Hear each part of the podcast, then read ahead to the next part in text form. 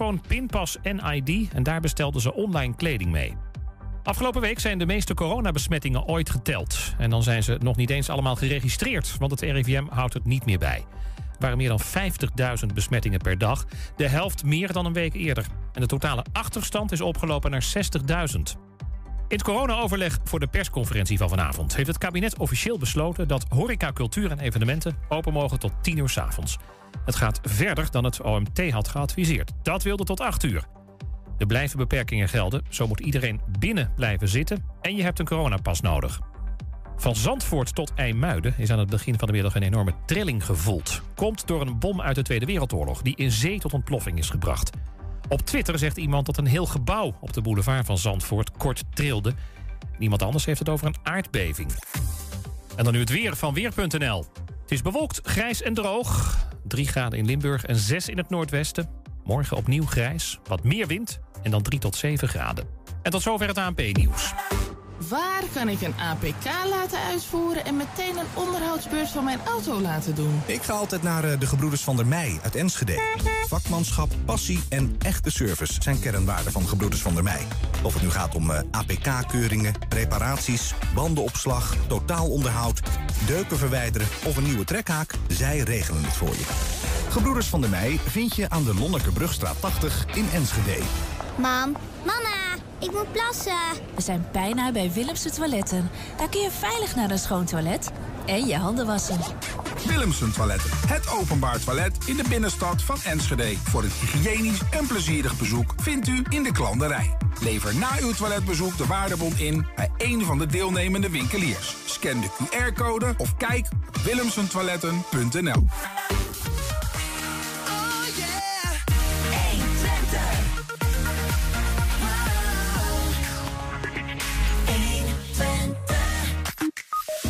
komende tijd onderwerpen we de lokale lijsttrekkers aan een waar vragenvuur. Vandaag op de kruk Enschedese GroenLinkser Bart Peter Zweem. Engeloer Gregor Dijkhuis is dol op de middeleeuwen. Om precies te zijn, de hoge middeleeuwen.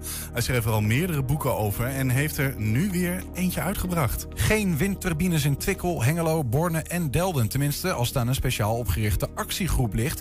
Vanmiddag boden ze een petitie aan aan burgemeester Sander Schelberg. En de tijd van waarnemend burgemeester Theo Bovens, eh, de waarnemend burgemeester van Enschede, zit er bijna op. En hoe heeft hij de afgelopen periode beleefd? Het is dinsdag 25 januari. Dit is 120 vandaag. 120. 120 vandaag. Gemeenteraadsverkiezingen komen eraan. Maar wie zijn de figuren die in Enschede en Hengelo de dienst gaan uitmaken? In ons verkiezingsproject Ik Teken voor 80 onderwerpen we de lijsttrekkers van beide steden aan een heus vragenvuur. Vandaag op de kruk, de man die wij kennen als columnist hier, maar in de verkiezingstijd vooral ook voorman van GroenLinks in Enschede, Bart Peter Zweem.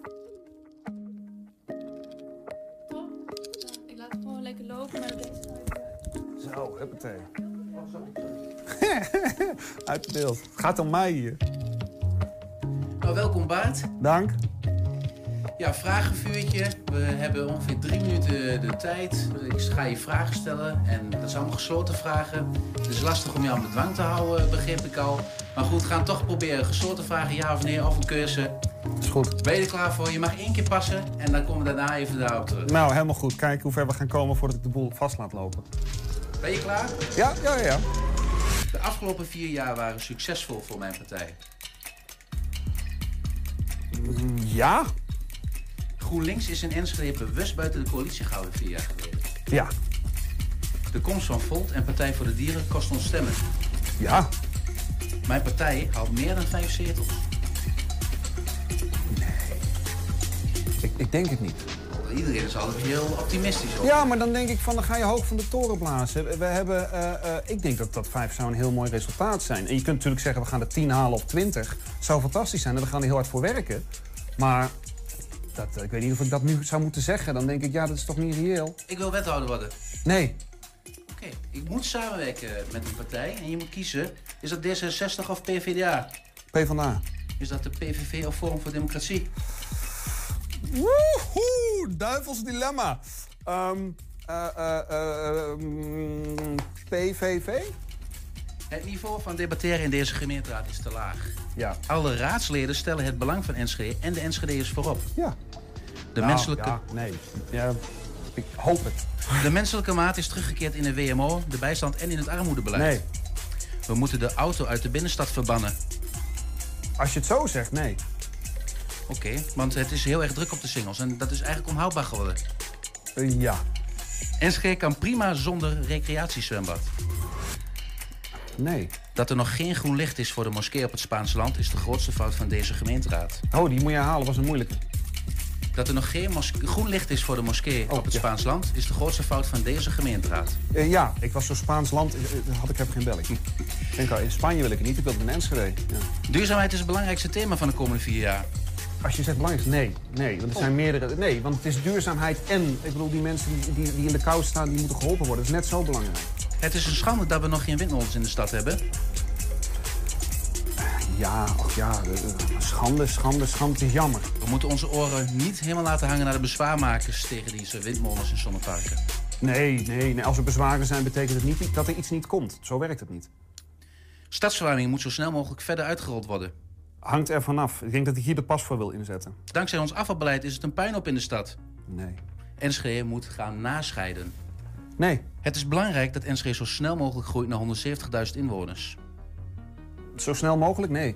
Het aantrekken van hoogopgeleide inwoners uit het westen is, een, is goed voor de hele stad, ook voor de armere bevolking. Nee. Niet per se. Enschede is de belangrijkste stad van Twente. Ja. De rest van Twente zou zich dus ook wat meer moeten aanpassen aan Enschede. Oeh. Eh, nee, dat vind ik... te- Nee, dat zo kun je dat niet zeggen. Dat, zo werkt het niet. En voor onze stad is het beter om op Duitsland te richten dan op de Randstad. Nee. Dus allebei. Duidelijk, je hebt een eh, pas ingezet. Het ging over... eh, de- Maar ik wil terugkomen op veel meer vragen. Ik vond ze toch beter dan ik gedacht had. Ja, ik vond het goede stellingen, ja. Je mag er zo nog, nog eentje terugkomen, maar die, die stadsvorming wil ik toch even over hebben. Ja. Eh, je geeft daar de pas voor. Ja. Zo snel mogelijk uitrollen. Ja. En ik, ik denk ook al waar, waar het naartoe gaat. Daarom heb ik die tweede vraag niet gesteld. Maar waarom zet je daar de pas voor in? Omdat, eh, kijk, op, voor ons gaat het om lange termijn op, op duurzame energie. Dat wil dus zeggen dat het opgewekt is op een manier waarvan je zegt van... hé, hey, dat is oké, geen vervuiling enzovoort.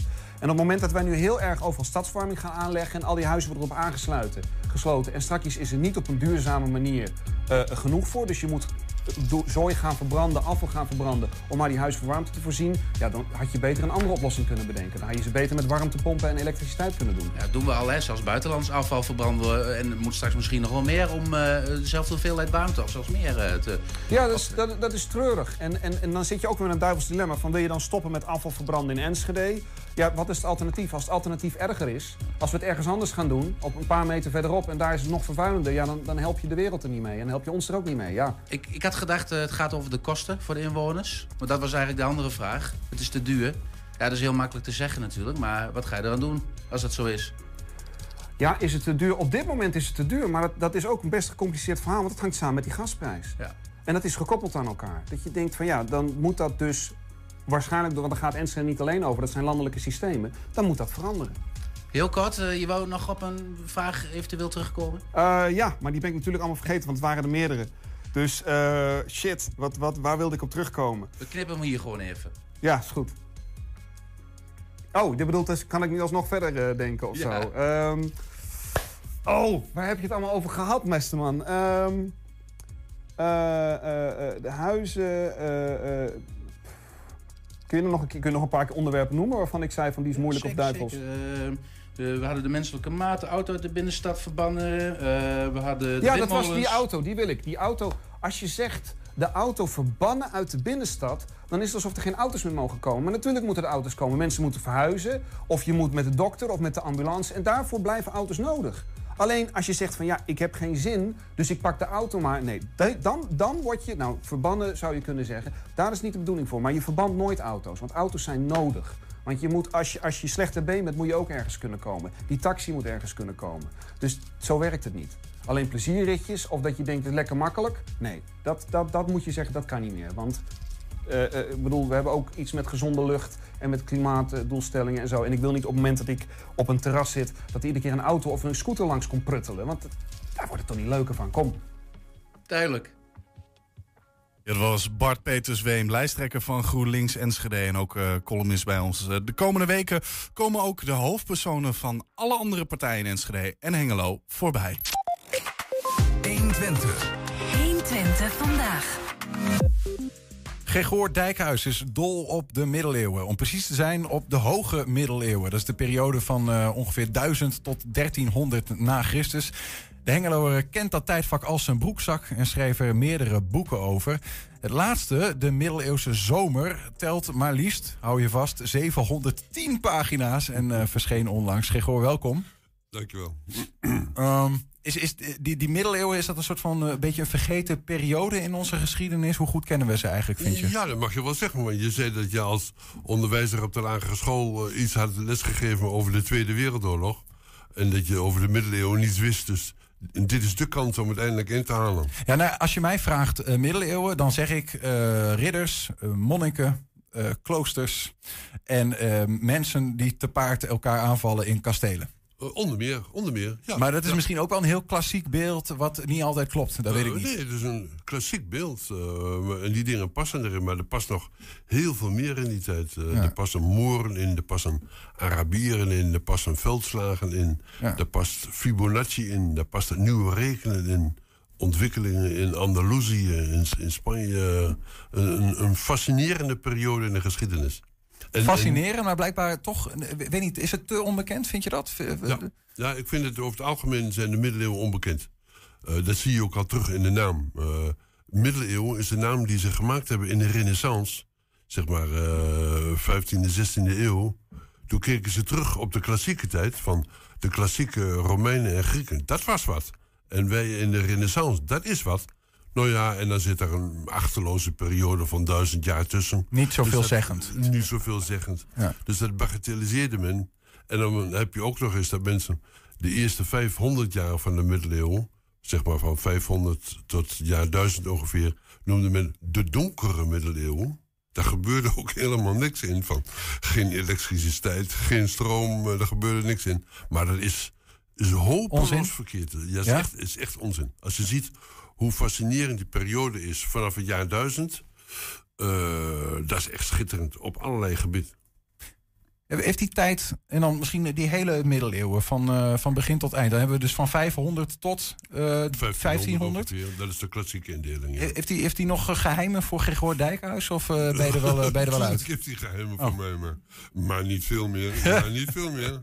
In ieder geval van de, van de hoge middeleeuwen, van zeg maar 1000 tot 1300, Ja. daar weet ik knap wat vanaf. Waar komt Ja. het vandaan? Die, Waar die, komt het vandaan? Ja, die extreme fascinatie. Extreem fascinatie weet ik niet. Fascinatie wel. Eh, ja, dat, die loop je op op een gegeven moment. en dat ontwikkel je dan. Als kind al Eh, of niet? Riddertje spelen en zo? Als kind al ook een beetje, ja. Van, eh, wij, wij keken Ivanhoe bij, bij eh, de buurvrouw. Mijn ouders hadden zelf nog geen televisie. Wie of wat is Ivanhoe? Ivanhoe, ja. Sorry voor de vraag, maar Roger. Moore, ja, dat is ver voor je tijd. eh. maar goed, eh, dat vond ik al mooi. En steek spelen. En ik, lazen eh, Erik de Noorman. Ik weet niet of je die kent, die, die, die strip. Nee, ja, volgens mij ken ik hem wel. Ja, nee, ik ken Vicky de Vicky, maar dat is weer een ander. Ja, nou, nou, ja, dat, dat, dat- daar zit een overeenkomst in. Ja, ja. En dat fascineerde mij over, over de Mongolen bijvoorbeeld. Over boogschieten en paardrijden door de Mongolen. Die, die frat ik, die verhalen. Ja. En in die Mongolen zit, in die hoge middeleeuwen, daar zit Genghis Khan in. Eh, en de Mongolen die, die, die heel Azië oprollen. En het grootste deel van Europa oprollen. En bijna ons ook opgerold hadden. En dan heb je die eh, hoge middeleeuwen, waar dit, waar dit boek over gaat. Eh, de, de, eigenlijk het midden van de middeleeuwen, zou je het zo een beetje kunnen zeggen? Mm, tweede helft, zeg maar. De, tweede, de tweede helft. Eh, die, die, is dan nog, die heeft in die middeleeuwen dan nog, nog weer een extra bijzondere fascinatie. Voor- Ja, ja die, de, de, de, de klassieke indeling is de vroege middeleeuwen van 500 tot 1000. De hoge middeleeuwen van 1000 tot 1300. Ja. En de late middeleeuwen van 1300 tot 1500. Ja. En deze, ik vind deze drie eeuwen daartussenin, die vind ik de mooiste. Daar, daar Wat, wat gebeurt daar? Daar gebeurt van alles in. eh.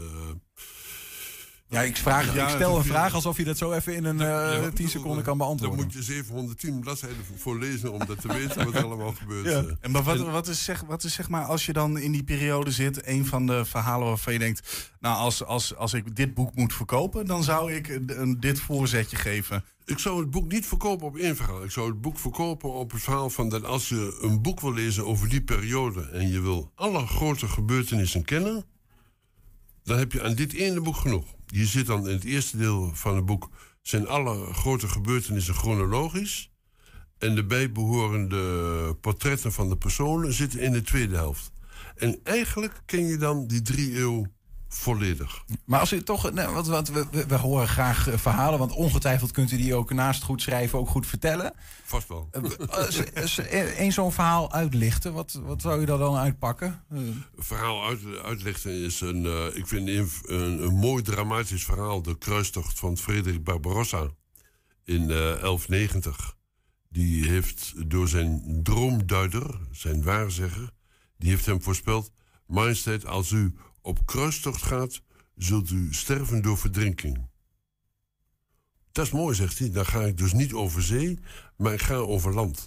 En hij, hij, eh, hij zet het grootste leger op dat ooit ter kruistocht is gegaan. Gaat helemaal over de Balkan en door Klein-Azië. Moet op een zondagmiddag een klein beekje oversteken. Je voelt hem aankomen. Zijn paard struikelt, werpt hem af. Hij heeft zijn wapenrusting aan en verdrinkt. In de grootste keizer die de middeleeuwen gehad heeft... die, die verdrinkt in een miserig beekje. En zijn waarzegger had dus gelijk. Is dit een verhaal uit de overlevering? Nee, nee, nee, het verhaal is echt historisch waar. Van, Dit is ook Ja, gebeurd? dit- Er is een riviertje, de, de Salef, in, in het oosten van eh, Turkije op, op dit moment. Dat is echt gebeurd, ja. Zo, waren de Jomanda's in die tijd zo gek nog niet, zeg maar? Nee, ab- absoluut niet. En andere mooie verhalen zijn... is dat eh, wij vinden rekenen normaal met de Arabische en Indische cijfers die wij gebruiken. Maar je realiseert je misschien niet dat tot ongeveer het jaar 1200... rekenen men met Romeinse cijfers. Ik weet niet of je al ooit een optelling hebt gemaakt met Romeinse cijfers... maar dat valt niet te doen. Nee, ik, moet altijd, ik moet in ieder geval altijd een minuut lang kijken voordat ik weet wat voor een getal er überhaupt staat. precies, ja. En, Ja. en eh, dat is veranderd rond 1200, omdat Fibonacci, Leonardo van Pisa, een zoon van een handelaar die een goedzak heette, een Bonacci. Dus Leonardo was de Fi, de zoon van de Bonacci, Fibonacci. Die leerde in eh, Egypte en in het oosten, leerde hij, zoals hij noemt, eh, rekenen volgens de Hindoes. En het rekenen zoals wij dat doen, is oorspronkelijk afkomstig van eh, de Hindoe- Hindoe-cultuur. In tientallen. In, in tientallen. En dat hebben de Arabieren overgenomen. Vandaar dat ons cijfersysteem zijn Arabische tekens. En de Arabieren hebben daar het, meest, het mooiste cijfer aan toegevoegd dat er is. Dat is de nul. Door de nul kan een tientallig stelsel kunnen wij rekenen zoals we dat nu doen. Met machtsverheffen, breuken, Ja, ja. vermenigvuldigen, het hele spul. Het getal nul, leegte, heet in het Arabisch sifar. Hey, dus onze cijfers... Sifar. Cijfer. zijn cijfers. I got it. Bijzonder. Want Ik, ook die, wat u noemde net al even die, die kruistochten. Dat is dus ook in die periode. Eh, en ik, ik begrijp dus de vikingen eh, ongeveer in die periode. Is, is het een bloedige tijd eh, ook wel geweest op sommige ple- plekken? Bloediger dan nu? Of is dat moeilijk te zeggen? Dat, moeten toch even Ik- Oekraïne afwachten natuurlijk hoe het aflopen. Bloediger dan nu? Nee, minder. Minder, minder middeleeuwse veldslagen waren toch kleiner over het algemeen dan moderne veldslagen. Ja, ja. Van eh, een slag bij Hastings bijvoorbeeld, die, die, die hij noemde in ons voorgesprek. Daar heeft waarschijnlijk eh, aan, van die twee kanten samen maar een kleine 30.000 man deelgenomen. Dat is eigenlijk niks. Ja. Als je ziet dat bij Stalingrad in de Tweede Wereldoorlog... daar werd door 2 miljoen man gevochten. Had u, had u, had, had u, had u eh, in de voetsporen van de hoofdrolspeler van Kruistocht in Spijkerbroek willen zitten? Als in anders gezegd, had u deze tijd, eh, bent u in een verkeerde tijd geboren eigenlijk? Het, het ligt aan in, in welke functie en in welke rol. Ik kan me hele aangename functies voorstellen, maar ook hele vervelende. Ja, noem eens de meest aangename. Ja, ik, ik weet niet. Ik zou, ik zou wel, als ik nu zo over denk, zou ik wel abt willen zijn van een groot klooster. nou, heel veel bier drinken of... Eh, ja, en waarom, waarom dronken abten een bier? Waarom maakten ze bier? Omdat kloosters de enige plek waren waar het water schoon was. Vandaar dat het een traditie is dat kloosters bier brouwen en daar goed in zijn. Ja, ja. Omdat ze eenvoudige producten, eenvoud kloosters, eenvoudige producten, daar maakten zij de beste producten van. En vandaar dat ik graag eh oh, dat was de mooiste plaats. En wat is nou, wanneer ben je echt, be- eh, ja, ben je, heb je echt heel veel pech gehad in die eh, middeleeuwen of die hoge middeleeuwen? Wa- Wat is de laagste kasten waar je in kunt zitten? Eh, je hebt pech gehad als je als kind geboren wordt en jong sterft. De kindersterfte in de middeleeuwen is, is enorm. Waardoor de gemiddelde leeftijd in de middeleeuwen is maar 35 jaar. Maar dat komt eh, voornamelijk door de hoge kindersterfte. Als je dat gehad hebt, dus als je het, het geluk hebt dat je mag overleven...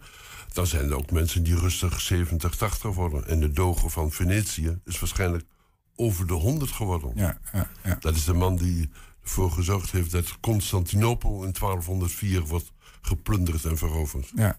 Waarom noemt u uw boek eigenlijk de, de, de middeleeuwse zomer? Want eh, ja, als het een beetje een enigszins... eh, Dat heeft, dat heeft een dubbele betekenis. Eh, aan de ene kant de bloeiperiode natuurlijk van de zomer. Aan de andere kant, die, die bloeiperiode wordt veroorzaakt doordat er rond het jaar 1000 een warmteperiode eh, is geweest.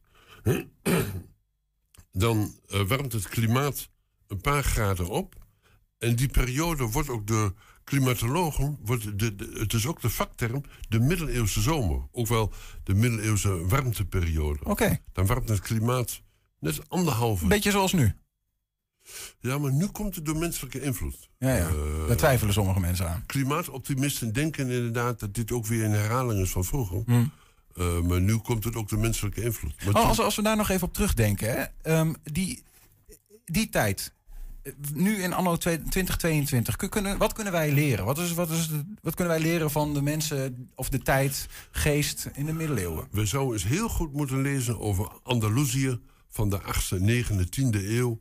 Over de wijsheid en de geleerdheid van de, eh van de Moren daar, van de, van de islam. De, de, de kennis die daar was. En waar wij als Westelingen schatplichtig aan zijn, die is fenomenaal.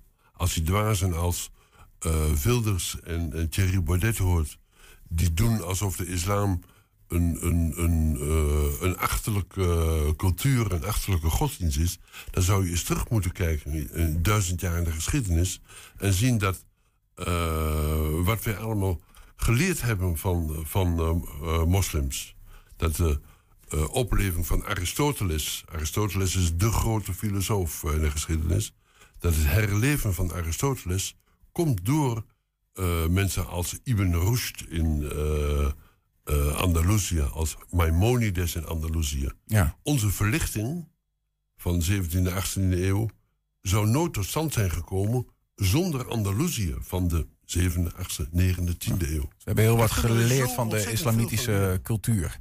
Ja. Ik, ehm, we, we sluiten af. eh, en ik heb nog een heel klein quizje. Want we hebben begrepen dat u eigenlijk alle kennis die u in het boek heeft geschreven... hoeveel zijn dat er in totaal? Hoeveel boeken? Eh, eh, boeken, dit is mijn, mijn, mijn derde boek. Derde boek, dat alle kennis die erin staat... hem ongeveer paraat heeft. Nou, dat lijkt er ook wel een beetje op als we zo praten. Gewoon even een klein quizje. Even kijken of, eh, of dat inderdaad zo is. Ehm, we, hebben, we, hebben, we hebben een paar afbeeldingen. Misschien even eentje laten zien. Wat zien we hier? De bovenste afbeelding zien wij een Engelse afbeelding uit de 9e eeuw. Waarin men een angstig beeld schetst van een vikingschip. En dat wordt ook afgebeeld als een soort draak uit de onderwereld. Men dacht ook dat die schepen uit de onderwereld kwamen, omdat die op de eerste plaats veel sneller voeren dan schepen die, die zij kenden. Er veel krijgshaftiger uitzagen en tot vlak onder de kust kunnen komen. En dan zijn ze bij dit plaatje, hoort de tekst van de eh, razernij der Noormannen. Verlos ons hier, b- bad men in de kloosters. Van Noormannen tot Normandiërs. Ja, van de Noormannen tot de Normandiërs. Heel goed, je hebt het boek gelezen. eh, Ja, ja, zeker, absoluut. Ja. Ehm, eh, nog eentje, nog eentje. Ehm, Nog eentje. Eh, wat zien wij hier? We zien hier een aantal Cisterciënsers, dat is een, een kloosterorde, die belangrijk zijn geweest voor de innovatie in de landbouwtechnieken. De hele opleving van de landbouw en landbouwverbetering leidt in de hoge middeleeuwen tot grotere eh, agrarische opbrengsten, meer landbouwopbrengst. lagere sterfte, bevolkingsoverschot, eh, bevolkingsgroei, handel, Ja. cultuur. En daar heeft eh, landbouw en landbouw-innovatietechnieken. Daar zijn deze mannetjes eh, verantwoordelijk voor geweest, onder meer. Daar, eh, daar, Ik eh, geloof het wel. Twee uit twee, helemaal goed. Eh eh, Gregor, mooi. Dankjewel voor een mooi verhaal. En hier staan eh, nou ja, talloze van dat soort eh, verhalen in. De middeleeuwse zomer, eh 40 euro geloof ik ongeveer. Hè? Waar is die te vinden? Bij alle boekhandels. Alle boekhandels. Dank en eh, succes met de, zaken. Zit er al iets nieuws in de pen trouwens, of niet? Pardon? Zit er al iets nieuws in de pen? Gaat er een nieuw boek geschreven? Eh, Misschien de nog tijd van helemaal. tegenwoordig, Nee, of, nee, eh, nog niet helemaal. Nee, nog niet. Nou, wie weet. Als er iets in de pen zit, laat het ons weten. Goed zo. Dankjewel. Ja, zometeen kijkt waarnemend burgemeester Theo Bovens terug op de afgelopen maanden als tijdelijke burgervader van Enschede. Er zijn ook als podcast te luisteren via alle bekende platforms. Luister even. Dit, het is allemaal zo mooi. Ik zou het gaan luisteren. Zometeen na de uitzending. 120. 120 vandaag. Ja, ruim 3300 mensen hebben een handtekening gezet onder de petitie Geen windturbines in Twickel, Hengelo, Borne en Delden. Het verzoekschrift, opgestart door de gelijknamige actiegroep, werd vanmiddag door Diederik Neep overhandigd aan de voorzitter van de gemeenteraad. En dat is burgemeester Sander Schelberg van Hengelo. Vanavond komen de windturbines en alles wat verder nog te maken heeft met eh, het omgevingsprogramma Nieuwe Energie aan bod in de politieke markt.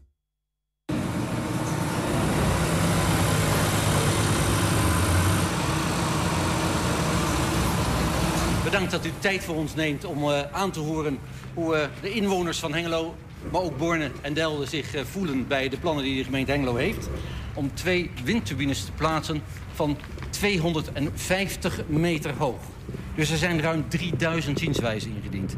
En wij vragen u om nu geen beslissing te nemen. En bij deze wil ik u graag aanbieden, als het, als het mag, document met ruim bijna 3.500 handtekeningen. Ik hoor graag wat, u, eh, wat uw visie hierover is.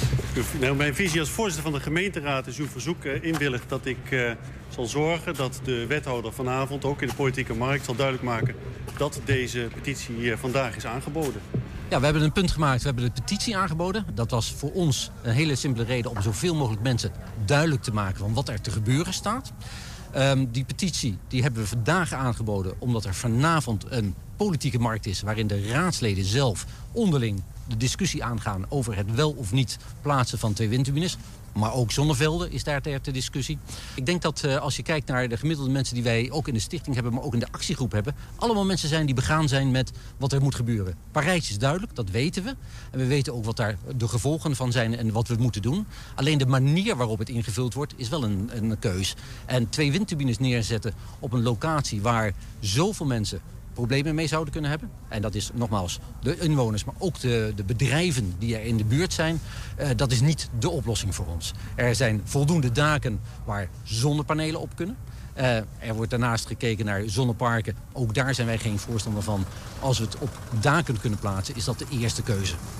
Ja, wat wij eh, vanavond eh, hebben gevraagd aan de burgemeester net bij het aanbieden van de petitie... is om deze petitie in te brengen en de raad kenbaar te maken... dat we een kleine 3.500 handtekeningen hebben van mensen die niet eh, voor de windturbines op deze locatie zijn. En daarnaast eh, is het zo dat, eh, en dus kenbaar maken aan de, aan de raadsleden. En daarnaast is het zo dat op 9 februari, als de raadsvergadering is, van er gestemd gaat worden over, deze, over de keuze. Eh, dat we dan ervan uitgaan dat mensen begrijpen dat dit niet een goed idee is. En dat er dus tegengestemd wordt op het voorstel van wethouder woorden.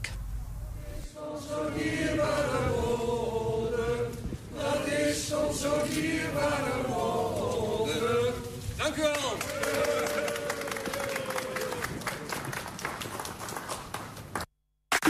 Zometeen de column van Robert van der Meulen. 120. 120 vandaag. Het is zijn laatste week als tijdelijke burgemeester van Enschede. Theo Bovens nam begin oktober vorig jaar het stokje over van Onno van Veldhuizen... en geeft de ambtsketting volgende week dinsdag door aan Roelof Bleken. In de vier maanden dat hij burgervader van de stad was... is het eh, niet onrustig gebleven. Hoe kijkt hij terug op zijn tijd in Enschede? Dat gaan we hem vragen, want hij is hier. Theo Bovens, goedemiddag. Goedemiddag. Mag meteen beginnen met de correctie? Dus geen ketting, maar een keten. Maar goed, dat maakt verder niet uit. Oh, die fout heb ik ook al gemaakt. Ook Dat, al eh, dat- ja, dat is een pijnlijke fout. Ah, ja. Nou, maar herhaling is, herhaling is een goede leermeester. Ja, de ambtsketen. Ja. Ehm, u heeft hem nog eh, in ieder geval een week. Ja, klopt. Eh, maar als we terugkijken naar die afgelopen vier maanden... Hè, en als er nou één ding is dat u eh, zou mogen meenemen... of zou moeten noemen wat u meeneemt uit Enschede... misschien moet ik het zo zeggen. Wat zou dat dan zijn? ja, niet die ambtsketen, die laat ik natuurlijk niet. dat zou meteen, eh, overigens een ambtsketen die door een Limburgse kunstenaar gemaakt is ooit, door Fons Bemelmans. Dus dat is wel heel mooi, die eh, ook nog een keer. Maar goed, dat, dat is een andere keer. Nee, wat ik, wat, ik, wat ik meeneem is denk ik gewoon toch de warmte. Eh, je, kijkt, het, eh, Enschede is wel een beetje onder de huid gekropen, zoals dat, dat al wel eh, als cliché heet.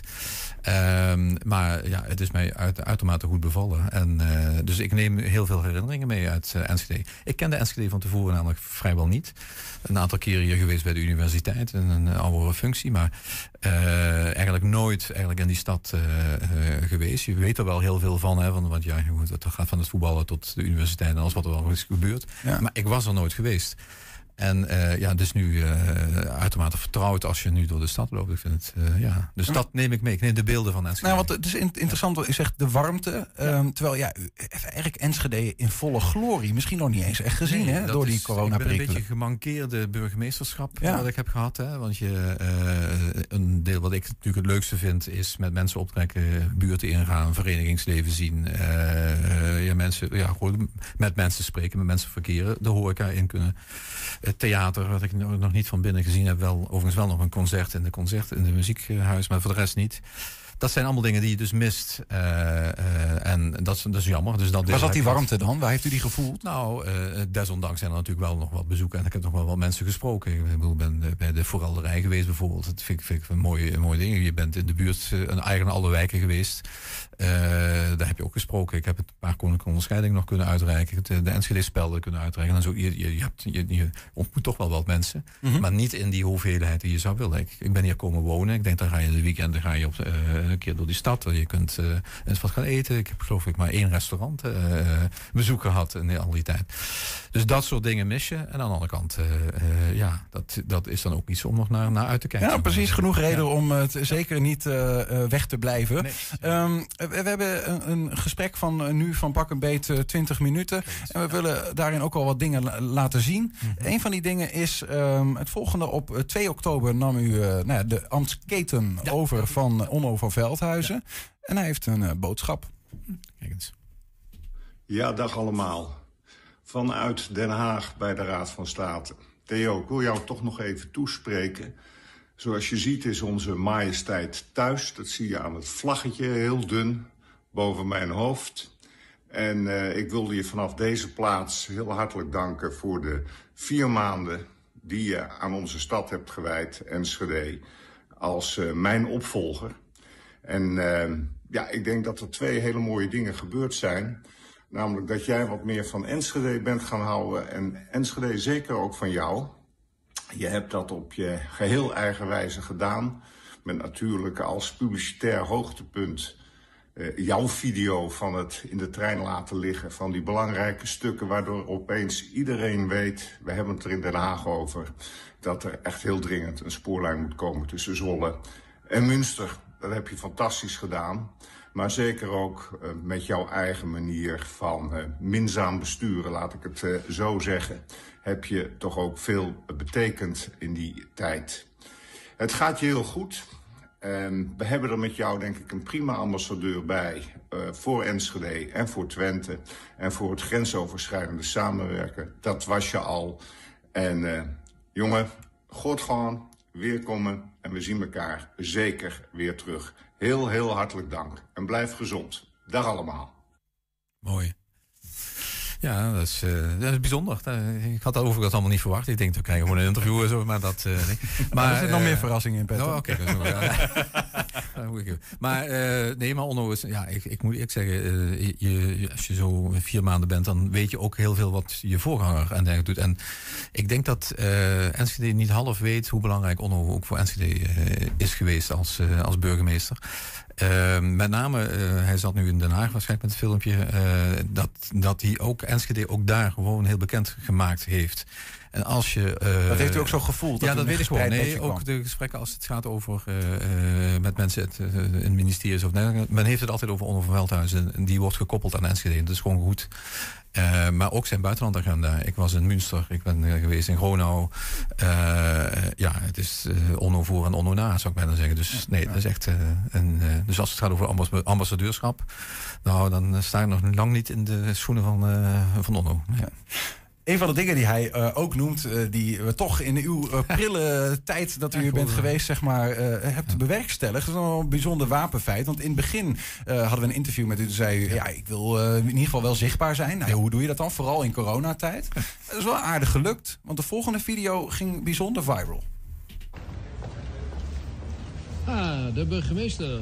Wat komt u doen? Burgemeester Enschede, ja, fijn, ja.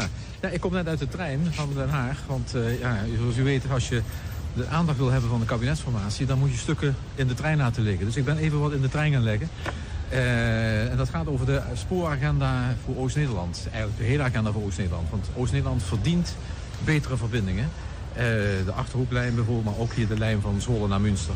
En daar hebben we al wat brieven over geschreven naar de kabinetsformateur, maar daar hoor je nooit iets van. Dus ik denk, weet je wat, ik leg het in de trein, dan komt het vanzelf wel in Den Haag. En ik roep iedereen op, als je het vindt, om het even aan de Volkskrant te geven. Dan krijgen we daar de juiste aandacht die het verdient. Dus eh, dat ben ik even gaan doen. Dankjewel. Ja, dat is, is toch, dit is toch, toch bij veel mensen blijven hangen. Als je dan eh, denkt aan Theo Bovens als burgemeester van, eh, van Enschede.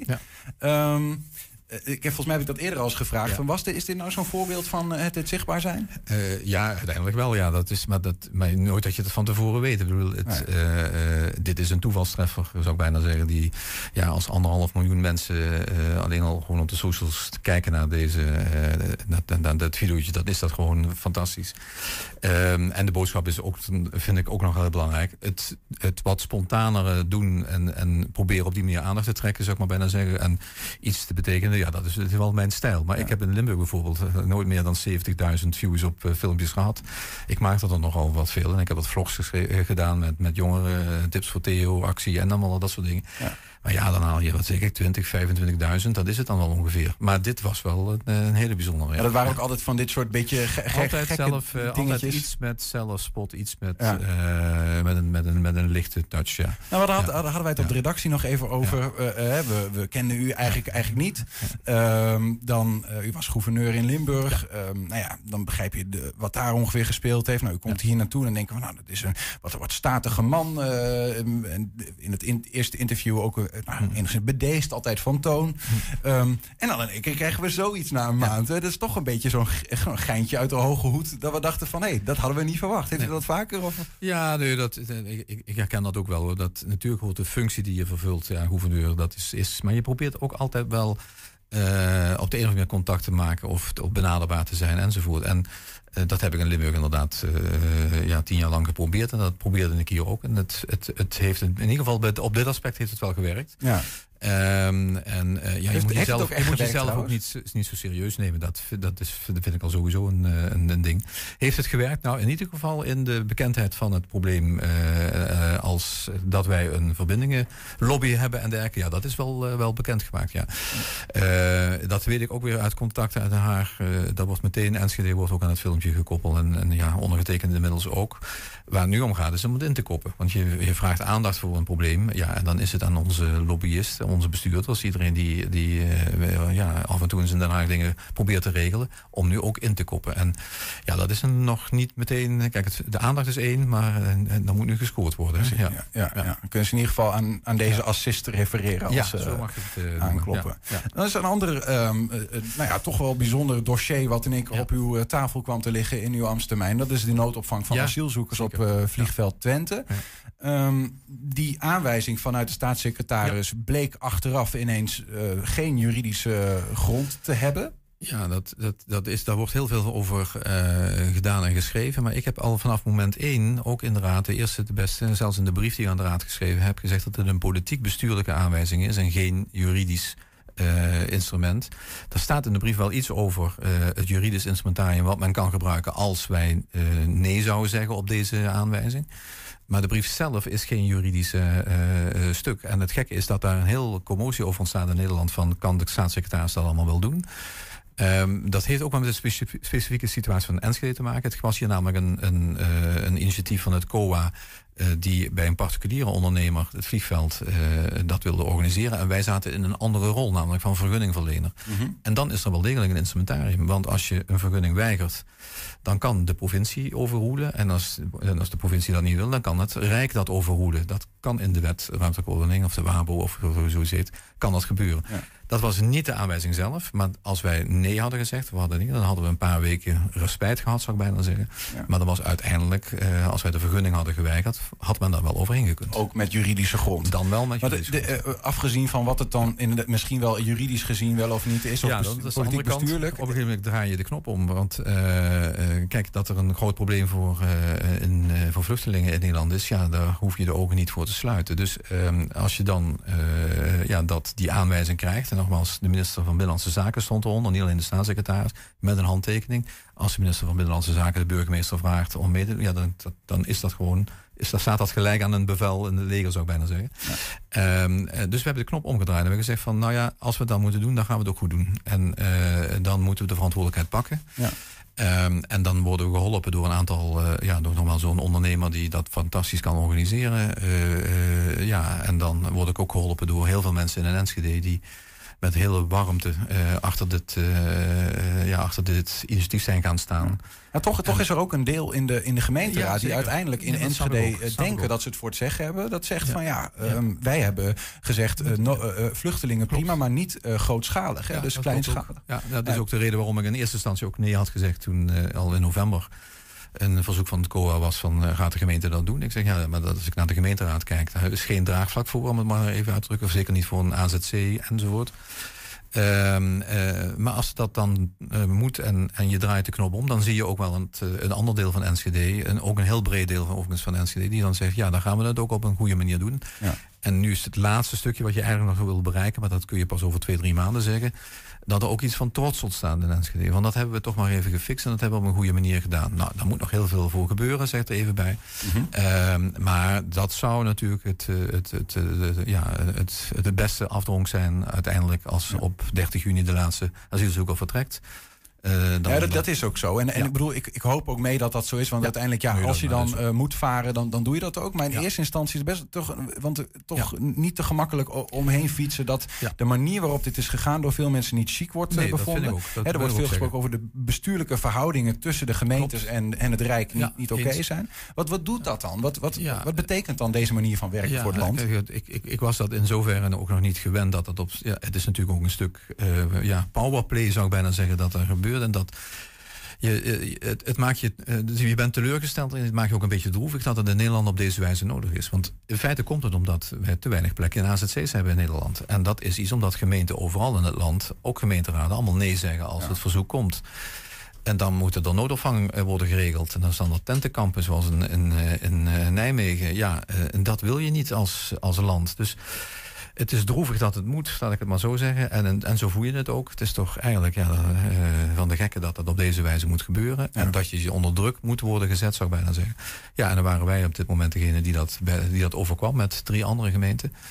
Eh, maar het had natuurlijk net zo goed een andere gemeente kunnen zijn. Maar ja, je kunt niet zeggen van laat het deze kelk aan mij voorbij gaan. En, en dat ze maar een, eh, ja, noem maar een plek in, in Losser of in Zwolle of in, eh, of in Apeldoorn maar gaan of zo. Ja. Nou ja, er zijn genoeg plekken waar eh, no- dit soort dingen, noodopvangers zijn gerealiseerd, waar de mensen achteraf zeggen, ehm, we hebben er eigenlijk heel veel van, van meegenomen. Ja, Dus, eh, nou ja, ja, dat hoop ik ook. En, en, eh, maar ik hoop natuurlijk het, het eerste is dat overal in het land gemeentebesturen een verantwoordelijkheid pakken als het gaat over AZC's of het gaat over het versneld huisvesten van statushouders, zodat er plek in AZC's komt. Want je hebt er nu een, ook een, een groep zitten in, op het vliegveld die daar eigenlijk al niet meer thuis hoort, die eigenlijk al door had moeten stromen naar zelfs een woning. Die een status hebben. Ja, bijna een status of op het kantje van de status. Want het zijn de, de Afghanen die daar eh, zitten. En die hebben een, eh, een versnelde procedure gehad. Dus die zouden al naar een woning kunnen. Maar ja, er zitten 12.000 mensen in de AZC's te wachten op een woning. En wat ga je dan met die groep doen? Ja, die, die moet dan van noodopvang naar noodopvang. Ja, eigenlijk moeten we dat gewoon in Nederland niet willen. U was in die afgelopen maanden ook ehm, nou ja, voorzitter eh, van de gemeenteraad. Ja. Van de raadsvergaderingen. Ja. Ehm, we hebben daar ook een video eh, van. Eh, we hebben denk ik wel een minuutje of vijf naar collega Versteeg eh, kunnen luisteren. Mijn vraag is, was het lekker? hebt u mij horen hijgen of ander- anderszins zien klaarkomen? Ik bedoel, dus in die zin Ja, eh, ik- ik niet lekker. zal- ik bedoel, wil wel vragen onzinnige vragen, Meneer onzinnige opmerkingen geef ik onzinnige antwoorden. Er wordt hier veel lawaai gemaakt. En ik noem het met de opzet even lawaai. Want ik ben ook verontwaardigd van wat hier gebeurt. Ik hoor hier van lage verontwaardigd zijn. En meerdere. Maar ik vind het een heel mooi spel wat hier gespeeld wordt. Maar laten we ook eventjes reëel zijn en kijken wat er gebeurd is. En ik hoor u zeggen, ja, maar de meerderheid vond het al prima. Dat vind ik zo respectloos naar andere fracties toe die moties en amendementen hebben ingediend. Dat is de arrogantie van de macht. Moet u gewoon bij mij niet doen. Allereerst, eh, ik verwerp elke vorm van eh, een spelletje spelen van mij. Eh, en ik vind ook dat het een, een, voor mijn gevoel een onjuiste beweging is voor hetgeen wat ik als raadslid eh, hier doe. De vragen zijn heel goed beantwoord, denk ik, door de wethouder. En het lijkt wel alsof daar niets van aankomt. En ik vind dat echt kwalijk. Op deze manier kan de gemeenteraad niet goed functioneren. En dat is schadelijk voor de democratie in Enschede. En dat is ook schadelijk voor de stad. Tijdens die geheime sessie heeft de heer Van Lagen een aantal zaken naar voren kunnen brengen. Daar heeft hij keurig antwoord op gehad. Daar lagen geen openstaande punten. Mevrouw Visser heeft niet de moeite genomen om bij die sessie aanwezig te zijn. Nou, meneer Tillema, als één weet wat er aan de hand is met het ween van mevrouw Visser, dat heeft u afgelopen weken wekenlang gezien. Mevrouw Visser zat in MST, verder hoef ik ook niet uit te wijden. Maar dit is weer gewoon een, een van niks. Eh framen moet je ook niet doen. Nee, niet, maar ge- het gehoor is een term die we niet gebruiken. Oh, nou, ik, eh, Ja. ik, ik voel me er even prima bij, voorzitter. Maar ik wil de heer Tillema en zijn fractiegenoot de heer Van Dijk erop willen wijzen dat hetgeen de zaterdagmiddag of twee weken geleden op Twitter is gebeurd, ook erg onkies was. En men het ook geraakt heeft. Want het allerlaatste wat ik als raadslid wil, wens of doe, is namelijk het gijzelen van een raad. Ik ben zo netjes om in de spiegel te kijken. Ik hoop dat de heer Tillema het ook doet. En ik zou graag minuten willen schorsen, voorzitter. Ja, maar niet om eh, in de spiegel te kijken, maar wat op Twitter gebeurt, eh, dat is niet wat wij in deze raad allemaal kunnen eh behapstukken. Ja, eh, een beetje een compilatie van eh, momenten dat de gemoederen eh, wat hoog opliepen. De, de vorige waarnemer die eigenlijk inviel voor Onno van Veldhuis toen hij ziek was, Henk-Jan Meijer, die zei dat hij als nieuwkomer vond dat het, de Raad van Enschede best wel sterk gepolariseerd was. Wat natuurlijk een beeld is van hoe Enschedese inwoners dan mogelijk met elkaar omgaan. Want het zijn alle kampen. Ehm, i- is dit wat hij bedoelde? Ja, dat bedoel je zeker. Het, eh, het gaat er stevig aan toe in de, in de gemeenteraad. En het gaat voor een deel, en dat heb ik ook tegen de gemeenteraad al een aantal keer gezegd. eh, het gaat ook een deel over zichzelf. En dan niet over de inhoud. Dat hebben, die compilatie, wat u laat zien, zijn allemaal eh, onderdelen van het debat. Waar meer gaat over omgangsvormen, de onderlinge bejegening, de onderlinge relaties, coalitie, oppositie. Partijen tegen partijen, personen tegen personen enzovoort. En eh, Henk-Jan Meijer en dat Onno van Veldhuizen overigens ook... en eigenlijk ook ondergetekende zijn eigenlijk van mening... dat een raad veel eh, meer over de inhoud zou moeten gaan... en ja, veel minder over het eigen gedrag en de, de eigen regels enzovoort. De Enschede buiten zijn er 160.000. Die verwachten van een gemeentebestuur... en dat is niet alleen de raad, dat is ook, de, ook het college... dat is ook het ambtelijk apparaat dat de, eh, de stad goed en kwalitatief wordt bestuurd. En eigenlijk zou dat betekenen dat je een hele saaie raad zou moeten hebben. Een raad waar het gewoon gaat over de inhoud... waar mensen zeggen, ja, dat is allemaal eh, droge kost. Maar ook op inhoud kun je best wel met elkaar botsen, toch? Ja, Dat zeker. best en, dat, en dat, moet ook, dat mag ook gebeuren. Ik moet aan de andere kant zeggen, eh, eh, eh, het laat wel zien dat de raadsleden met enorme passie hun werk doen. Want dat is de andere kant van de zaak. Het ontspoort eigenlijk net, net niet overal. Het, het, het is stevig en dat mag ook in een, een debat. Maar het laat ook zien dat mensen eh, zeer gemotiveerd en gepassioneerd in die, eh, in die functie zitten. En daar dus ook voor willen gaan. Eh, en dus voordat je dat afremt en voordat je dat iedere keer probeert af te blokken, ja, dan moet er dus ook wel, ja, dan moet je wel een bepaalde stap, eh, stap overheen kunnen voor je dat, dat doet. Dus het is niet makkelijk, maar aan de andere kant, zeker als je de mensen nog niet kent, hè, want ik, ik kwam daar binnen en eh, dan, dan gaat dat gebeuren. En dan denk ik van, ja, je kent niet de achtergronden van de mensen. Het gaat ook nog een keer via het scherm, dat is ook heel vervelend. Je zit niet in de zaal, je kunt het non-verbale niet zien. Dus dat is ook wel ingewikkeld. En we moeten er ook niet aan zelfkastijding doen. In de zin van eh, dat het allemaal één grote ellende is. Want zo is het ook niet. Dan worden toch goede besluiten genomen in Enschede. En, eh, dus ja, we moeten aan de omgangsvormen werken en blijven werken. Maar de, eh, daar hoeft niet heel Enschede mee, eh, mee te kijken hoe we dat doen. We zijn bijna aan het einde van de terugblik. Ehm, dit speelt zich af afgelopen woensdag, uh, waar we het nu over gaan hebben. En dan weten u misschien al uh, waar ik het over uh, wil hebben. Um, de actie Kapsalon Theater. Um, nou, Concordia bedenkt in Twente gaan we het anders doen. We zetten die artiesten in die, bij die kapsalons neer. En nou ja, die actie wordt eigenlijk in de, in de kiem gesmoord. Het, daarover wil ik het niet per se nee. hebben. Maar vervolgens gebeurt er iets interessants op Twitter. Namelijk iemand spreekt zijn ongenoegen daarover uit. Ja. en en, daar reageert u op. Iemand zegt, uh, Theo Boven, sterke actie, applaus. Nou, u bent veiligheidshandhaver, dus in die zin uh, verantwoordelijk voor die actie. Um, en u zegt eigenlijk uh, niet tussen twee haakjes graag gedaan. Hm. En we vroegen ons af, wat bedoelt u daar eigenlijk mee? Nou ja, dus met dezelfde kwinkslag waarin natuurlijk die, die, dat die kritiek is vervat van meneer Wolf, geloof ik. Hè? Ja. ja. sterke actie, applaus. Ja, eigenlijk dus niet. Zeg ik graag gedaan. Ja, natuurlijk eigenlijk ook niet. ik doe dat niet graag. Uh, uh, dat als we handhavend optreden, ja, dat wil een burgemeester wil niet handhavend tegenover zijn eigen bevolking en zeker niet uh, ten opzichte van de cultuur die het gewoon lastig heeft. Dat is ook het dilemma waarin de burgemeester terechtgekomen is in deze geval. Ook brieven over aan het kabinet hebben gestuurd, nog, nog on, onlangs overigens. Ja. Um, en het is altijd een beetje schipper. Ik moet ik zeggen, complimenten voor Concordia, want het was inderdaad een hele creatieve. waar nog juristen over, volgens mij nu nog over aan het nadenken zijn, kan dat eigenlijk wel of kan dat eigenlijk niet? En had dat gekund of had dat niet gekund? Ja. Was het nou een demonstratie? Nou, dat kan het niet, want een demonstratie is binnen en niet in de openbare ruimte. Nou, ik, ik ga je er allemaal niet meer vermoeien. Uh, waar het ons om ging was van, uh, het, als het niet op een demonstratie... en het moet niet op een, op een uh, optreden lijken... want optreden mag niet voor publiek in het kader van de coronawet...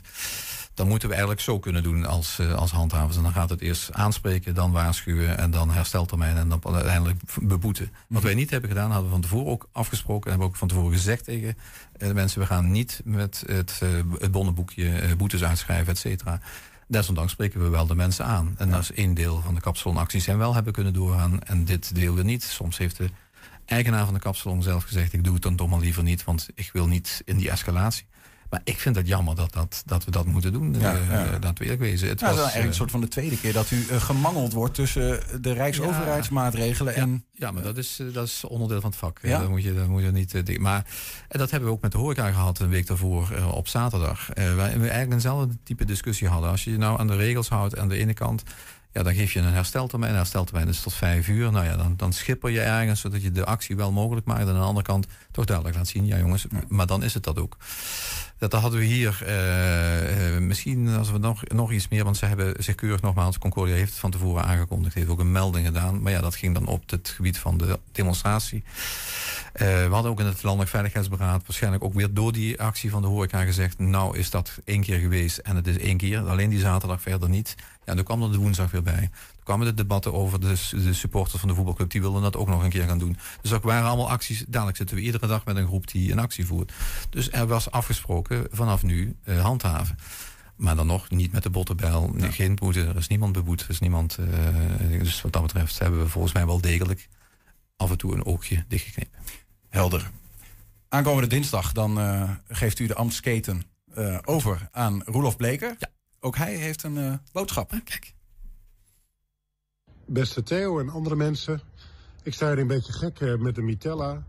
Maar met mijn supersnelle fiets ben ik ergens tegen aangebost. En gisteravond gerepareerd met een, uh, een uh, plaatje in mijn schouder. en mijn fiets die moet nog opgeknapt worden. Maar volgende week sta ik er bij de installatie. Maar Theo, enorm bedankt voor de afgelopen maanden. Je hebt een bijzondere periode meegemaakt en meer gedaan dan alleen maar op de winkel gepast. Je, je bent de stad enorm gaan waarderen en de mensen ook, heb ik begrepen. En je hebt natuurlijk iets bijzonders gedaan door uh, na discussie uh, geen procedures te volgen, maar een noodopvang voor vluchtelingen in Enschede te organiseren. Uh, samen met VTE, die daar stappen in heeft gezet, maar ook met een team van gemeenten, andere maatschappelijke organisaties en in overleg met de omwonenden en de dorpsraad. Hartstikke goed dat je dat zo hebt opgepakt. En natuurlijk enorm bedankt voor de inspiratie dat je uh, aandacht hebt gevraagd in Den Haag op een hele ludieke manier voor de spoorlijn. Ik leer daarvan en ik ga met heel veel enthousiasme vanaf dinsdag aan de slag en neem een stokje van je over. Het ga je goed in de andere mooie grensstad Maastricht. Tot ziens. Mooi. Ja, hij, hij is gewond, hè, dus dat is. eh, en hij is volgens mij gisteren geopereerd, dus Klopt, ja. veel beterschap en herstel. En ik hoop dat de Amsketen eh, niet te zwaar is op die schouder. Maar dan moeten we even kijken hoe we dat gaan organiseren. Ja, ja. Nou, hij is in ieder geval blij dat u, wat u ook beloofd had, niet alleen op de winkel passen, maar er echt voor heeft gestaan. Ehm, tot slot, ehm, we laten u niet met, met lege handen gaan natuurlijk. Ehm, bakker Nicole Schabbink uit Saasveld, die wil u graag namens Twente nog wat meegeven. Haar aan de lijn. Nicole, goedemiddag. Ja, goedemiddag. Goedemiddag. Je staat eh, in je bakkerij in Saasveld, maar je wil eh, Theo Bovens hier nog wel fysiek iets meegeven. Wat, wat heb je daarop bedacht? Nou ja, goed, eh, de krentenweggen, hè? het symbool van de Twente gastvrijheid. De, Twen- de, de Krentenweg, en die ga je naar ons toe beamen of hoe gaat het gaan? Nou nee, als, als, ik heb een, een, een Karen Vaneke, die komt als het goed is deze mooie krentenweggen eh, geven. Want ik kan helaas niet daar live zijn. Oh, kijk toch eens, daar komt Karin. Karin komt nu binnen. Jawel hoor. Met de Krentenweg. Je mag het hier neerzetten, Karin. Hiervoor eh, Theo Bovens op tafel. Zal ik iets zeggen en dan... eh, Nou, we, we, we, vragen, we, we gaan eh, met, even met Nicole over de Krentenweg spreken. Heel goed. heel goed. Dan, eh, je mag het hier, hiervoor, eh Karin. Ja, dan. eh, Ja, er zit van alles in, dus ik... Ach, het is een heel pakket. Ik geloof Dankjewel. het, ik geloof het. Ik, ik heb er ook Ja, iets over eh, meegekregen. Hier zeggen we red to the mat. Ja, ja. Red to- the mat. Eh, dankjewel, Karin. Blijf rustig even staan hoor. Maar, Karel was overigens een van de eerste in Enschede's die ik tegenkwam. Want eh, ik geloof drie weken voordat het eh 1 oktober was, was ik een keer in Enschede. En wie kom ik tegen? Karen. En die had al net foto's opgehangen. Van, eerst van Onno en toen nog van mij. Dus ik herkende haar van het filmpje. Dus over filmpjes gesproken. Ze was al de bekendste Enschede. Kijk, kijk. Ja, en als je Karin één keer hebt ontmoet, dan, eh, dan, Nou dan ja, vergeet de je het Ja, ja, Ja, ja. en, en, en de Krentenweg. Ja, zeker. Ja, daarom. Ja. En Nou ja, de- laten we daar verder gaan, eh, Karin. De- je noemt het, hè, de burgemeestersnede. Hij staat hier voor tafel. We hebben nog, nog steeds Nicole Schabbink ook aan de lijn. Nicole, waarom, waarom die Krentenweg? Waarom geven we die mee juist als Twentenaren? Ja, geef ons heden ons dagelijks brood. dat is eigenlijk, eh, ja, dat is eigenlijk de, de, de, de standaardzin. De krentenweg is eigenlijk een van de oudste vormen eh, van gebak. Eh, het is voedzaam, het is heilzaam. En eh, dit werd eh, vroeger eh, als aansterkend voedsel aan een kraamvrouw gegeven. De traditie bestaat al best wel lang en, eh, en is landelijk bekend geworden bij de geboorte van prinses Beatrix. Toen is een delegatie Twentse bakkers naar Den Haag afgereisd om deze aan te bieden. En sindsdien staat eigenlijk de Krentenweg wel daarvoor bekend als delen en gastvrijheid. Ja, delen en gasvrijheid. Even vraag, misschien dat weet ik niet hoe- eh, Het krenten snap ik al, maar het woord weggen, wat betekent dat exact? Is dat, is dat Tukkers? Twents? Ja, dat, dat, eh, het is eigenlijk eh, heel vroeger is het, komt van het, waarschijnlijk van het naam Wig. Dat is een, een, een vorm waar de Romeinen eigenlijk hun brood al in bakten. Dat noemden ze een wig. En waarschijnlijk is daar de naam Krentenweggen van afgestamd. Maar daar helpt Karen mij nog mee in onderzoek. Ja, zeker. Want, want je bent samen met Karin eh eh, Vaneke, die hier het kwam brengen, ook eh, aan het optrekken om die krentenweggen niet verloren te laten gaan. Sterker nog, het moet wat jullie betreft op de UNESCO-lijst als immaterieel erfgoed worden aangemerkt. Ja, dat klopt. Ja, dat klopt. Er zijn helaas steeds minder eh, ambachtelijke bakkers in Nederland, ook in Twente. En het is dus een beroep dat met uitsterven bedreigd wordt, helaas. De symboliek en de technieken die moeten dus echt beschreven worden van dit mooie product. Om ook in de toekomst eh, ja, dat, dat dit mooie streekproduct bewaard blijft. En dat is eigenlijk waar we voor gaan samen. Om dat op, eh, op die UNESCO immaterieel erfgoed te krijgen, ja, dan, dat gaat ons zeker lukken. Het product is uniek, is mooi. En eh, het is het enigste brood met een wetenschappelijk onderzoek. Dus ik weet wel bijna zeker dat ons dat gaat lukken. Gaat het dan om, het, om de krentenweggen zelf of om de traditie dat die voor, eh, bij kraamvisites of voor gastvrijheid staat? Eigenlijk allebei. Ik vind dat de tradities moeten bewaard worden, het verhaal eromheen, maar ook de technieken. Ja. Hoe dat gemaakt wordt en ja, beide. Theo Bovens, eh, ehm, hoe, hoe, kijk je, hoe kijk je hiernaar, naar zo'n traditie en het koesteren daarvan? Nou ja, ik, ik vergelijk het al bijna met, eh, zoals we natuurlijk in Limburg ook geprobeerd hebben, de vlaai als zodanig. En dan, ieder dorp heeft ook nog zijn eigen type vlaai, een eigen soort, om dat ook eh, erkend te krijgen. Ik denk dat, eh, als je het gaat over immaterieel erfgoed, dat voedsel en de wijze hoe je daarmee omgaat echt ondergewaardeerd wordt erin. We hebben het altijd over tradities en, en, en, en museumstukken en ik weet niet wat allemaal. Maar als het gaat over hoe mensen zich gedragen enzovoort, daar zitten zo lange tradities in. Dat als het gaat over erfgoed uh, bewaren. En het leuke van UNESCO erfgoed overigens is dat je het dan niet alleen moet bewaren, maar ook moet zorgen dat het wordt doorgegeven.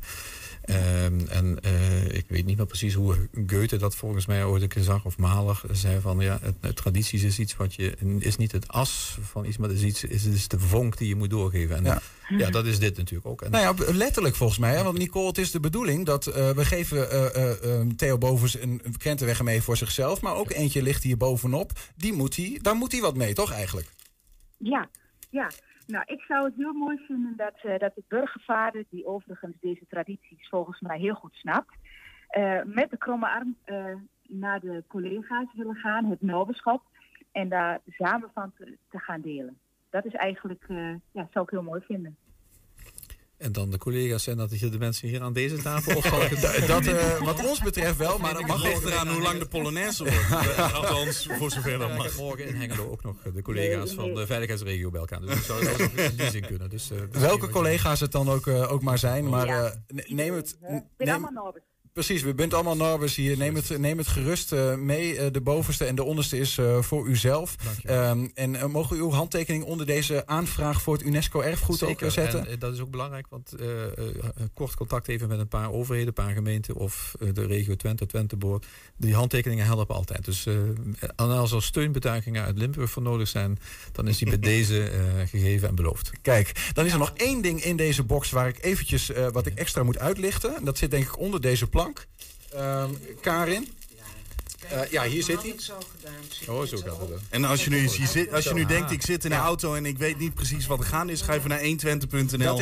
Daar kun je alles uh, zien. Uh, Niels, wat heb jij in je hand? Ja, dit, ik heb dit in mijn hand. dit is een, een, een gevelteken. Uh, met uh, de symbolen voor gehoop, geloof, hoop en liefde. Die staan erop. Het is een, uh, ook een typisch Twents gebruik. Het hangt aan de gevels. Geven u ook graag mee. Ah, ook namens de Twentenaren. En er staat een tekst op de andere kant. misschien kunt u dat nog even voorlezen.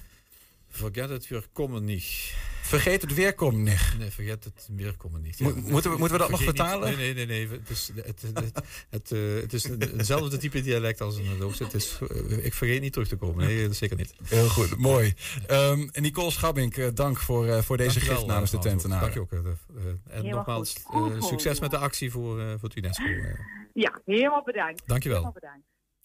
Ja, dan, dan zijn we echt wel aan het einde van, van dit gesprek. Uh, Theo Bovens.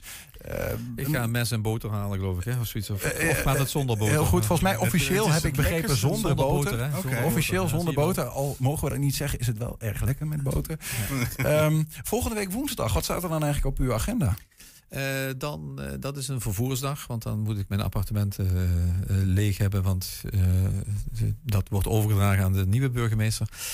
dus dan, ja, ik denk dat dan gaat alles richting de auto naar, naar het zuiden. En, en dan zal dit voor een deel, nou, misschien is het al op tegen de tijd. zal er in zijn. Dus het is een stukje, een stukje verplaatsing, verhuizing. Ja. En daarna, wat, wat gaat daarna, goed, ik heb een aantal toezichtsfuncties, die, die pak ik weer op en dan ga ik weer iets meer tijd aan besteden. En ja, en dan is het even wachten wat, wat zich weer gaat voordoen. Uh, nou, de mensen hoeven zich geen, absoluut geen zorgen te maken. Ik heb een riante uitkeringen, maar daar hoef ik, hoop ik niet zo lang van te hoeven uh, uh, genieten. Dus ik ga maar weer wat anders doen en dat, dat komt van iets. Nou, succes in ieder geval daarmee en dank voor de afgelopen vier maanden. Nou, en ik dank, ik wil echt, Slotwoord is aan u. Ja, want ik wil natuurlijk jullie danken. Want ja, je kunt hier, als je zegt je wil niet op de winkel passen, dan heb je het ook af en toe de media nodig om dat te laten zien.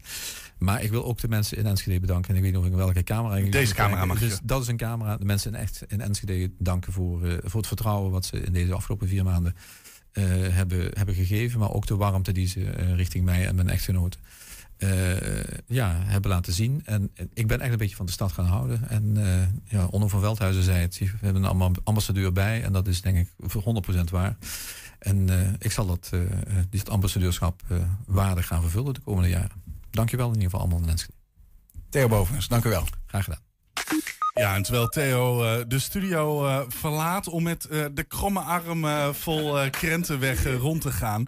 Ja, verwelkomen wij zo afsluitend Robert van der Meulen, de, columnist. Ondertussen hebben we dan nog even de tijd om te vragen aan de luisteraar en de mensen die kijken. Heb je nou nog een tip voor die redactie? En dat kan van alles zijn. Dan kun je hier in de uitzending terechtkomen. Dan kun je mailen naar info.120.nl 120. 120 vandaag. En eh, dan eh, gaan wij eh, plaatsmaken voor Robert van der Meulen. En, eh, eh, ah, kijk eens aan. Zometeen eh, de krentenweg voor ons. Kijk eens aan. Ja. Had je, heb je al zin aan de krentenweg? Nou, snij maar af. We zijn hier voor niks Twentenaren. hè? Ja, dat is ook weer. eh, wie zijn het allemaal Norbers? Allemaal Norbers. Ja. Zo, een beetje uitgelopen, maar Ah, het was gezellig. Het was, het was, het we, was, hebben het, we hebben het wel naar ons zin. Het was Twinburgs gezellig. Ja. Hè? Ik moet zeggen, het spijt me wel dat hij weggaat, eh, Theo Bovens.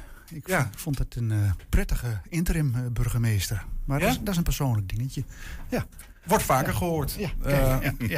Maar we, we zijn, we, zijn vol verwachting van onze nieuwe van de burgervader. Roelof Bleker. Ja, ja, zeker. Ja, ja hoor. Robert, je bent hier voor, voor, voor je column. Ja. Take it away. Oké. Ehm, loon naar werken. Ik verdien elke cent die ik verdien, want ik werk met schompers, zegt de gullachende miljardair voor zijn Dubai-villa. En daarom moet je soms ook lief zijn voor jezelf. Ik heb mezelf maar weer eens getrakteerd op een aardig wagentje, vervolgt hij. Wijzend op de wasstraat frisse fonkelnieuwe Maserati op de oprijlaan achter hem. Ik laat zijn woorden even op me inwerken en kijk door het raam naar buiten. Een ploeg mannen is al weken bezig onze wijk van verse stoepen te voorzien. Slagwerk is het. Strak werk is het ook. De jongste van het stel staat de hele dag wijdbeens voorovergebogen. Zijn jeugdige rug, kan het nog aan. Hij vangt de tegels van zijn oudere maat en laat ze feilloos op de juiste plek los. Meters maken. Per dag zo'n 50. Ze beginnen om half acht en stoppen om vier uur. Vandaag zijn ze voor onze deur aanbeland. Voor onze deur aanbeland. Wat ze verdienen weet ik niet, maar dat ze zich het schompers werken en elke cent van hun beno- beneden modale salaris meer dan verdiend verdienen, weet ik wel. Met een beetje Calvinistische spaarzaamheid zouden ze zich- zichzelf over pak een beet 73 jaar ook kunnen trakteren op een aardige Maserati die van een oud vrouwtje is geweest. Terug naar die multirijkaart. Waarom ben ik kriegel van hem? Er is toch niks mis met hard werken en een beetje lief zijn voor jezelf? Of ben ik soms jaloers? Zou ik, zou ik schoenen willen ruilen met hem en zijn eh, wolkeloze Maserati Dubai leven? Nee, voor geen miljoen. Hoewel ik zou best een getal met zes eh, nullen aan kunnen hoor. Ik zou mooie dingen mee doen, voor mij en de mijne. De studieschuld van mijn zoons aflossen bijvoorbeeld. En, ik geef het toe, een vers wagentje, dat kwam er ook versneld, want de oude wordt een beetje sleets. Maar zou ik in het onwaarschijnlijke geval ooit over een miljard pegels te kunnen beschikken, mij erop laten voorstaan dat ik me het schomperswerk? Ik hoop het niet. Mijn vader zalige zou een pedagogische draai van je welst om de oren hebben gegeven. Dat mocht toen nog. Want, meneertje miljonairtje, jij moet helemaal niks. Jij mag alles, altijd. En ja, je mag je ook het schompers werken. Wat dat ook betekent in jouw geval. Maar voor het geval je het nog niet wist, jij hebt een keuze. Echt waar. Een keuze die de stoepleggers, ons zorgpersoneel en heel veel andere essentiële schompers werkende waterdragers niet zo gauw zullen hebben. Die moeten. Alles. Altijd. Beste, gullachende, bevoorrechte Dubai-villa Maserati-miljardair. Misschien weet je nog niet, maar puissant rijk worden is doorgaans niet het gevolg van schomperswerk, maar veel vaker het gevolg van een nooit aflatende, eh, aflatend rugwindje in combinatie met een veelheid aan gunstige toevalsfactoren. Dom geluk dus. In jouw geval met een nadruk op dom, want jouw opa en oma hadden de apel binnen. Ik ben eens even gaan googlen. Wisten jullie luisteraars of lezertjes dat het vermogen van de tien rijkste mensen ter wereld tijdens de pandemie verdubbeld is, terwijl in dezelfde periode meer dan 160 miljoen mensen in de armoede terecht zijn gekomen?